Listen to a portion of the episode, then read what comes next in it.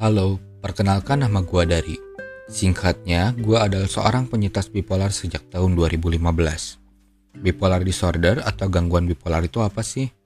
Bipolar adalah gangguan kejiwaan di mana gangguan tersebut mempengaruhi suasana hati seseorang. Bipolar secara artian adalah bi2 dan polar kutub, atau dua kutub suasana hati yang dominan muncul pada penyintas bipolar disorder adalah fase depresi dan fase mania atau hipomania.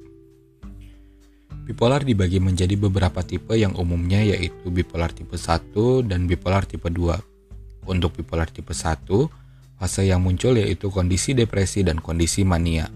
Dan untuk bipolar tipe 2, fase yang muncul yaitu kondisi depresi dan kondisi hipomania. Lalu, apa sih itu depresi, mania, dan hipomania? Depresi adalah suatu kondisi di mana penderitanya mengalami gejala-gejala sebagai hilangnya motivasi, merasa tidak berguna, mudah putus asa, berpikiran negatif, atau bahkan ada ide untuk menyakiti dirinya sendiri atau membahayakan dirinya sendiri. Dan masih banyak gejala lainnya seperti yang mengikuti pada fisik penderitanya seperti sering sakit kepala, hilangnya nafsu makan, hilangnya gairah, sulit atau bahkan banyak tidur. Nah, lalu apa itu mania? Mania adalah kondisi yang berbanding terbalik dengan penderita depresi. Pada umumnya, gejala mania diikuti dengan perasaan senang berlebihan, perilaku impulsif, memiliki ide-ide cemerlang dalam kepalanya, dan merasa memiliki energi dalam tubuh yang tidak terbatas sehingga pada gejala fisik yang timbul seperti gairah yang membara, produktivitas tinggi, dan bahkan sulit untuk tidur dan merasa tidak butuh tidur. Lalu, bagaimana dengan hipomania? Hipomania adalah kondisi mania yang cenderung tingkatannya lebih rendah dari mania. Nah, untuk gue, dokter mendiagnosa dengan bipolar disorder tipe 2 dan episodenya lebih dominan depresi. Namun terkadang ada episode campuran dan itu sangat melelahkan. Sebenarnya dari kecil udah nunjukin gejala bipolar disorder. Tapi makin kerasa ngeganggu itu ketika aku SMA kelas 2 akhir. Awalnya nunjukin fase mania, ya kayak yang disebutin di atas, waktu itu ikutan organisasi dan ngerasa bisa total ngerjain semua taks yang ada di organisasi tersebut. Tapi ketika kelas 3 awal, depresi muncul dan lumayan parah sih kalau menurutku. Karena gejala depresinya diikuti sama psikosomatis atau gangguan fisik. Waktu itu jadi sering banget nyeri dada, sesak nafas, tegang otot, pikiran pun juga nggak tenang lebih sensitif dan gampang panik juga. Ganggu banget deh pokoknya. Apalagi ketika ujian negara dan waktu 2 tahun awal kuliah karena fase depresi dominan banget di situ. Oh iya, gue didiagnosa pada tahun 2015 atau waktu kelas 3 SMA awal. Nah, pengalaman pertama ke psikiater itu secara nggak sengaja dirujuk sih.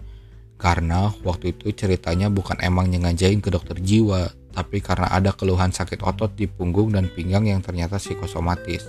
Nah, bertepatan juga dengan nenek meninggal yang nge-trigger abis-abisan, waktu itu lagi terapi sama dokter rehab medik yang akhirnya setelah nggak beberapa lama dirujuk ke psikiater. Nah, setelah satu minggu ngejalanin konseling dan asesmennya, baru deh ketahuan kalau gue ini penyintas bipolar disorder mungkin satu atau dua tahun pertama ada kali tiap dua minggu atau bahkan seminggu sekali ke dokter jiwa untuk dapetin psikoedukasi soal bipolar dan farmakoterapinya. Dan dapetin CBT juga untuk nyelesain isu depresinya. Karena dua tahun awal emang itu yang dominan muncul emang fase depresinya, nah mulai membaik itu ketika ditambah psikoterapi sama psikolog juga. Jadi akhirnya sebulan bisa tiga kali, tapi di tahun keempat akhirnya udah sebulan sekali ke dokter bahkan dua bulan sekali ke dokternya. Ya buat maintenance sih, karena syukurnya mood sudah membaik di tahun 2020. Rasanya jadi penyintas bipolar disorder itu ibarat naik roller coaster atau bahkan kalau kalian perempuan bisa ngerasain sensitifnya saat menstruasi bahkan lebih buruk tapi ya dari aspek psikologisnya roller coaster itu nggak ada ujungnya dan kebayangkan kamu harus ngejalanin hidup di fase menegangkan sekaligus menyenangkan dalam durasi yang berdekatan seolah nahan badan ketika roller coaster naik dan menjerit lepas ketika turun makanya gak banyak penyintas bipolar yang ngerasa capek atau bahkan ketika sedang fase depresi mereka ada yang sampai melukai bahkan mengakhiri hidupnya. Gua pribadi pun pernah mengalami keinginan dan mencoba untuk melakukan suatu percobaan bunuh diri. Sampai-sampai dokter sering banget merujuk ke rumah sakit jiwa untuk dapetin rehabilitasi. Tapi berhubung keluarga nggak setuju, akhirnya nggak nggak nyampe rumah sakit jiwa dan dapetin terapi berjalan. Selama lima tahun di diagnosa bipolar disorder, ada beberapa obat yang nggak bisa lepas kayak mood stabilizer. Nah, fungsinya mengendalikan kecepatan si roller coaster tersebut. Capek banget. Kadang suka nyetok minum obat tanpa sepengetahuan dokter. Ini jangan ditiru ya, benar-benar nggak boleh ditiru sama kalian.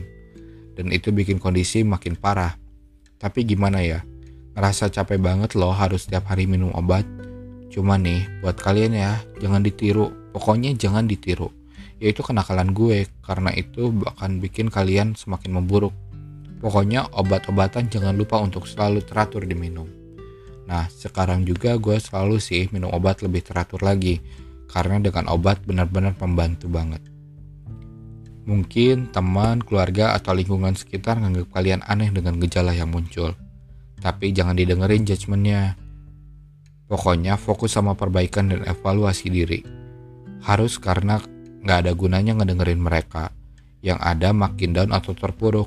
Nah, tips dari gue buat kalian penyintas bipolar atau penyintas gangguan kejiwaan lainnya adalah jadilah support system buat diri sendiri dan kalau bisa punya support system juga entah itu dari keluarga atau kerabat. Tujuannya supaya bisa jadi backup kamu ketika kamu lagi butuh support dan supaya kamu ada motivasi untuk sembuh. Nah, dokter bilang kalau bipolar ini jangka panjang, tapi bukan berarti kamu nggak bisa hidup normal. Bisa kok, bisa banget malah. Ya asalkan obat rutin diminum dan suatu saat kalian pasti bisa lepas obat kalau kalian udah pandai mengendalikan mood kalian. Nah, untuk kalian, pendengar, bila ada pertanyaan, bisa tanya ya. Gue bakal jawab di part 2.